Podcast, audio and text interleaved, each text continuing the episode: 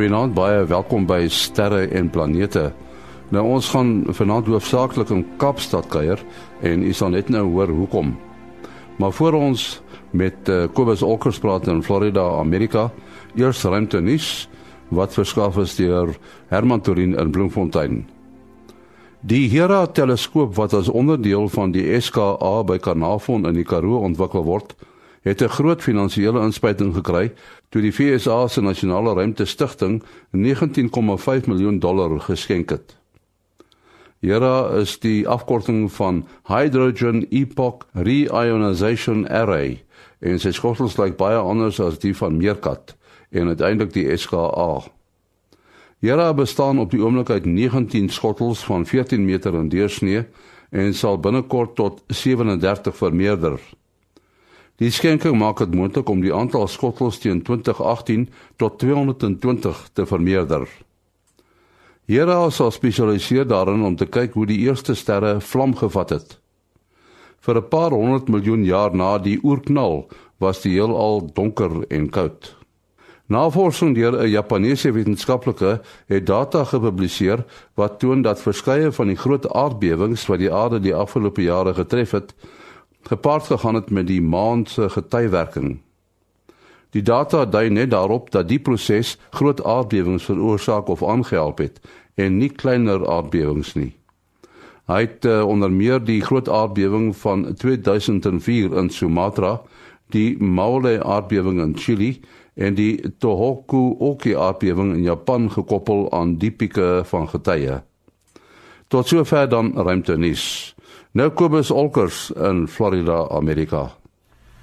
Ja, alweer 'n nuwe week. Verlede week het ons dus so 'n klein bietjie van 'n uh, stroompie gehad van van 'n koronagaatjie af. Niks om oor huis toe te skryf nie. En ons sit hierdie week met weer met 'n baie rustige son. Die magnetogram lyk interessant. Daar is 'n hele paar magnetiese areas, baie goed gedefinieerde areas, maar hulle is nie een van hulle is kompleks genoeg om om enige probleme hier in ons ruimte weer in in die aarde se omgewing te veroorsaak nie. Dit maak egter vir 'n pragtige mooi prentjie as 'n mens gaan kyk na die magneetvelde op die son self. Um, ons het 'n paar redelike een redelike lang filament, maar hy is Dit lyk nie asof hy veel energie in het nie, maar hy loop van so omtrent so van die regter horison van die son op die op die ewenaar na so skuins na links op. Bokant hom is, is alles noordwaarts gepolariseer en onder hom is so 'n band van suidwaarts gepolariseerde plasma. Dan verder het ons 'n um, sonvlekgroepie wat nou besig is om af te draai van die son se oppervlakte af. Geen kanse van enige probleme daar nie. En ons koronagate is hoofsaaklik by die pole van die son. Met ander woorde, hulle kan ons nie eintlik uh, steur nie. Dan al wat oorbly is eintlik maar 'n uh, klein filamentjie wat so ook so naby aan die suidpool van die son wat uh, heel wat meer van 'n potensiaal het om weg te vlieg, maar weer eens uh, kans dat hy na die aarde se kant toe sal kom skraal want uh, my sal eerder net suid gaan. Goeienaand. Dankie Kobus Olkers in Florida, Amerika.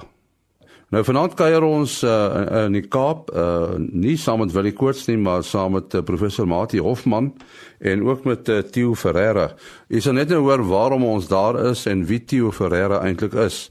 Maar miskien moet ons die aap in die mou laat en vir uh, vir uh, Mati vra, uh, wat doen hy op die oomblik in die Kaap? Laat ons hoor Mati.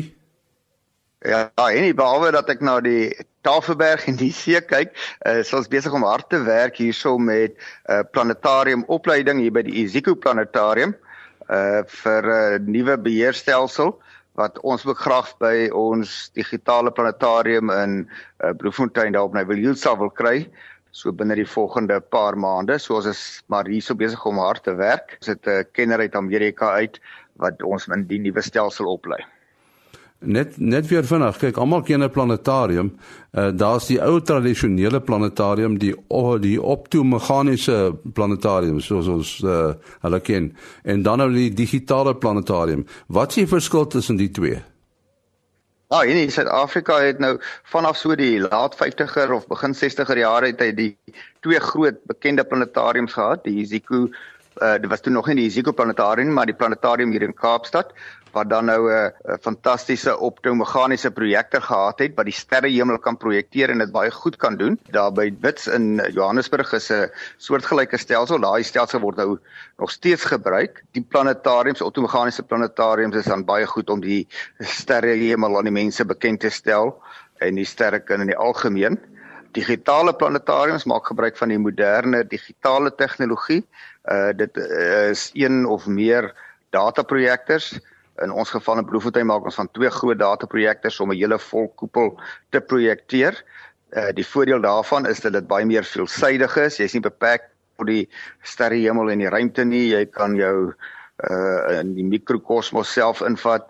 Uh jy kan die omgewing uh, behandel. So enigiets wat digitaal kan gedoen kan word kan gedoen word behalwe dat dit nou op 'n volkoepel is en vir jou as ware 'n 3D uh ervaring gee dat jy die ruimtelike belewenis kry en die ruimtelike begrip. So dit is basies die die verskil dit vereis baie rekenaarhardeware, die ander elektroniese hardeware en natuurlik die groot uitdaging is die sagte ware om hierdie ingewikkelde visuele materiaal op die koepel te projekteer.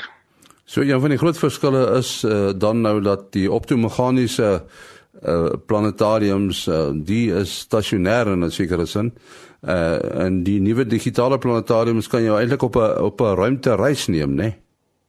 Ja, ja, ja, jy is beperk tot jou posisie op die aarde nie. Jy kan jouself posisioneer op enige punt in die driedimensionele heelal, op Mars of in 'n denkbeeldige ruimteskip en jy kan mense op 'n reis deur die ruimte vat of jy kan hulle op 'n reis reis soos ek genoem het in die mikrokosmos inneem. Jy kan films vooraf ver, vervaardig uh wat dan die hele kop koepel moet uh, dek en dit daarso uh, uh wys. Uh mits jy weet natuurlik hoe om dit te doen. Mens kan hierdie films koop 'n groot verskeidenheid teen 'n redelike hoë koste, maar as gelukkig ook uh opvoedkundige dienste wat dit uh of gratis of teen 'n lae koste aan mense beskikbaar kan stel, maar natuurlik dan van 'n beperkte verskeidenheid. As as ons nou praat van uh, digitale planetariums is die ene op Nyvel Hill in Bloemfontein natuurlik die eerste gewees in Suid-Afrika. Ja, uh, eers in Suid-Afrika, hy gaan nou nie vir lank meer alleen wees nie en hy gaan ook nie opeindig as die as die grootste nie, maar hy's 'n uh, 12 meter deursnee. Kom ons kyk hier by Kaapstad, Theo sal nou maar vir ons moet sê hoe groot is hulle planetarium. Uh hulle is natuurlik al baie lank in die spel en hulle bereik as ek nou tienduisende mense, weet hulle se in 'n baie groot wêreldstad hierso, so hulle het 'n baie hoë impak op die algemene publiek en die skoolbevolking hierso. Uh en nou gaan hulle ook hierdie opwindende tegnologie kry. Ja, die interessante ding van hierdie uh, digitale planetariums is natuurlik hulle kan vir ander goed ook gebruik word uh, waar 'n mens projeksie nodig het. Uh ja, absoluut. Jy kan uh program hê oor die oor die klimaat op die aarde. Jy kan 'n uh, klimaat hê oor wat onder die see gebeur. Jy kan 'n program hê wat niks met die wetenskap te doen het nie, wat bloot net uh, kuns of uh, grafika is. Uh, jy kan die beelde uh, kombineer met musiek. So daar's 'n legio uh, moontlikhede om hierdie uh, medium op 'n kreatiewe en opbouende manier te gebruik.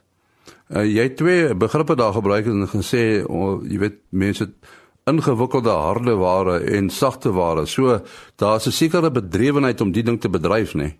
Die leerkromme is maar 'n bietjie styl. Dis hoekom ons nou hier is. Ons het dit nou al uh leer gebruik in Bloemfontein, maar uh, die die sagte ware ontwikkel en daar's nou geweldige kragtige sagte ware wat nie net gaan daaroor hoe om 'n lewendige program aan te bied nie, maar ook hoe om materiaal te ontwikkel vir hierdie omgewing wat jy nie net 'n 'n groot skerm waarop jy projekteer hierdie koepel hier om jou nie. Jy doen dit binne in 'n driedimensionele heelal. Jy kan terwyl jy beelde projekteer om te verduidelik en toe te voeg tot dit wat werklik daar in die heelal is, kan jy ook vlieg. So jy uh, jy moet geweldig baie goed kombineer as jy nou 'n program saamstel. Weet dit is analoog, maar baie meer as wat dit is om 'n video te gaan maak op 'n tydlyn met al die komponente wat jy daaraan sit. Terwyl jy nou dit doen, uh, moet jy die volle medium uh, tot sy volle potensiaal benut om regtig waarde uit jou belegging uit uh, te kan kry. En daar is sover net 3 planetariums in die in die wêreld wat hierdie kragtigste nuwe sagte ware het en die die Isiko gaan die 4de wees en hopelik gaan ons die 5de wees in Bloemfontein. Ja, en uh, as mense nou daaraan dink dat mense daai bedrywenheid die behendigheid nodig het, moet mense seker permanente mense hê wat die ding bedryf. Ja, nee, mense het enkele uh permanente mense nodig. Planetariums werk gewoonlik maar met 'n baie klein kernpersoneel, maar uh hulle maak gebruik en ons doen dit in Bloemfontein en hulle sal seker hier ook doen van kos moet nou maar hier soldate mense van buite af nagraadse studente of medewerkers wat of help om materiaal te ontwikkel of help om aanbiedings te doen. Ehm um, ek kry baie keer baie uh, entoesiastiese amateursterrekundiges of ander wetenskaplikes wat graag hulle uh, uh, hulle kennis en entoesiasme met die breë publiek wil deel, maar jy moet daar die, die opleiding doen hoe om die stelsel te kan gebruik. Uh, dit vat so 'n bietjie toewyding. Nou ja, dit is dan uh, professor Mati Hofman wat daar by die Iziko Planetarium in Kaapstad is op die oomblik om uh, verdere opleiding te kry in uh, die uh, digitale planetarium. Nou maar kom ons praat 'n bietjie met Theo Ferreira, die bestuurder van die Iziko Planetarium in Kaapstad om te hoor hoe voel hulle oor die nuwe aanwinst baie baie uh, op opgewek en uh, ek werk saam met Martina ons uh, studie so bietjie op die nuwe stelsel. Not only are we going to be doing shows for the public but we also wanting to use this facility to do research as well which is quite an important aspect. So we do have some partners who have joined us in this venture the new Zika planetarium. Die planetarium wat julle die die nuwe ene, uh, hy het natuurlik nou 'n groter skerm as die ene in Bloemfontein. That's correct. We've got a slightly bigger dome. Uh, it's a 15 meter dome instead of a 12 meter dome. It does make quite a difference to the seating capacity. It is slightly different to Bloemfontein's in another aspect, as they've got a tilted dome and our dome's not tilted. So you're looking into their dome, they've got a step theatre. Our theatre will be slightly stepped, but essentially it's flat. The other main difference is the resolution of our system. Um, they've got what we call a 4K system. We're going to have an 8K system.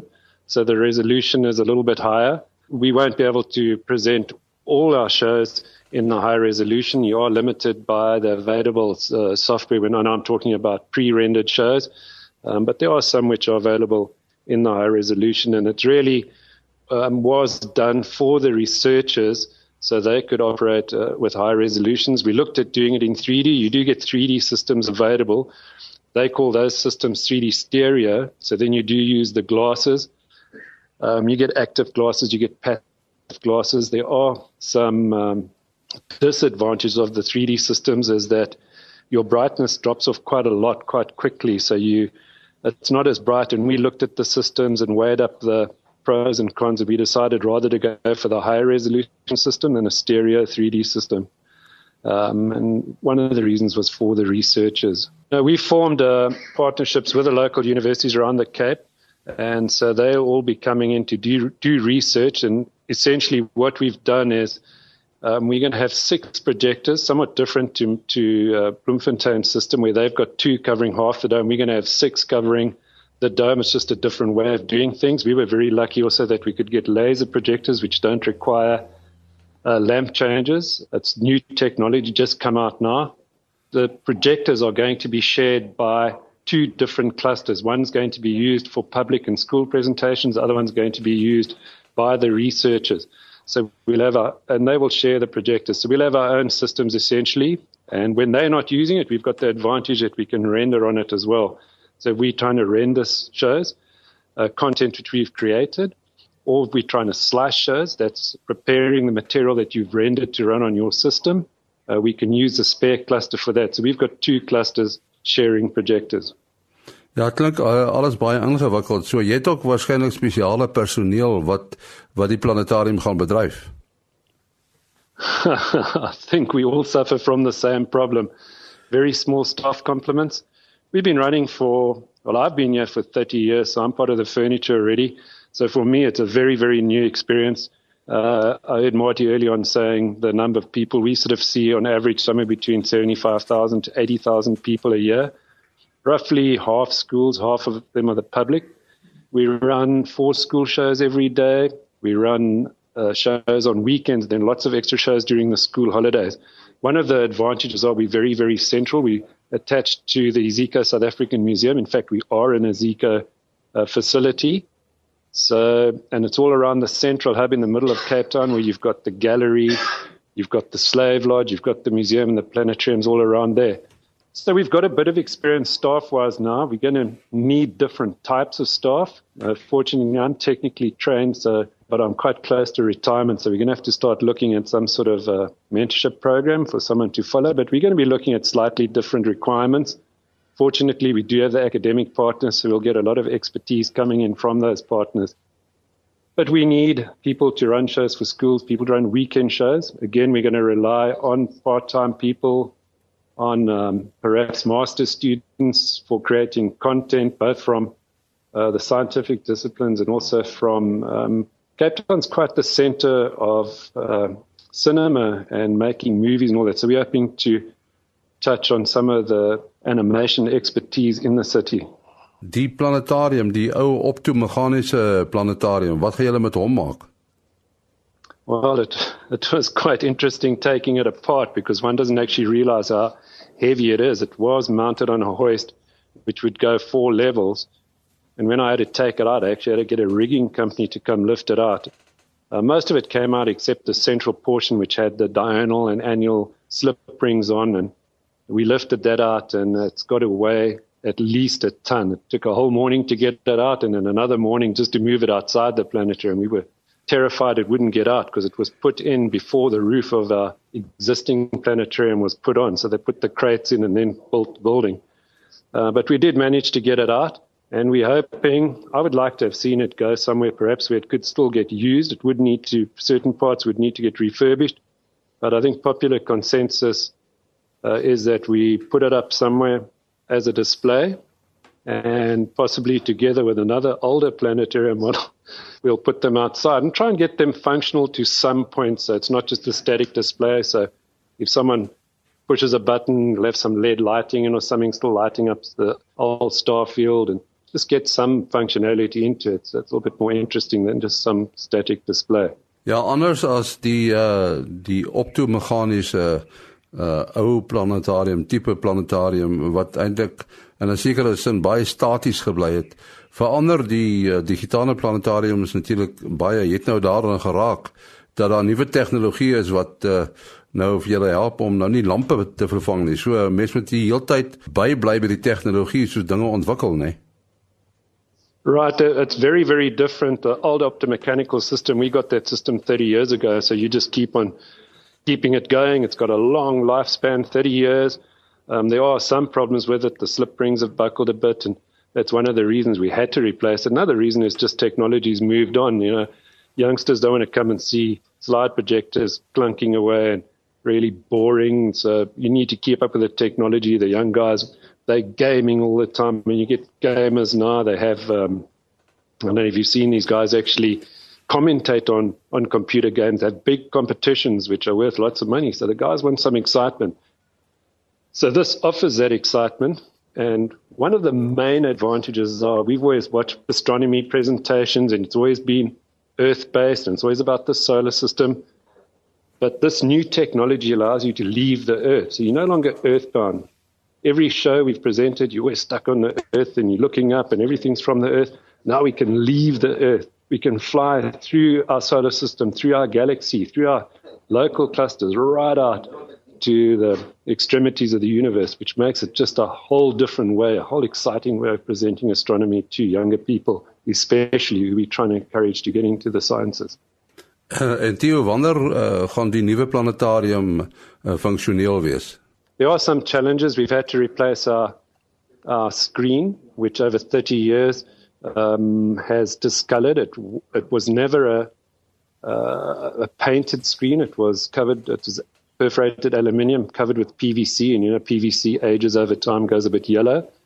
And these projectors require a certain reflectivity of the screen, so we've had to replace that screen. So we'll be coming in to do that. And it's quite uh, uh, heavy product, if one wants to put it that way. It has to get shipped by sea. We're trying to get it shipped by air, so it arrives a bit quicker. And we're looking at uh, upgrading a little bit of uh, the infrastructure of our facility. So we closed about a month ago, and we hoping we were hoping to open by Christmas, but there might be a delay in looking at January realistically now, towards the end of January. 2017. Nou, ek kan uh, hoor uh, Theo Ferreira baie opgewonde oor oor die nuwe speelding daar by die Iziko Planetarium in Kaapstad. Theo Ferreira is die bestuurder van die Iziko Planetarium, die planetarium wat nou pas 'n uh, nuwe digitale planetarium geword het.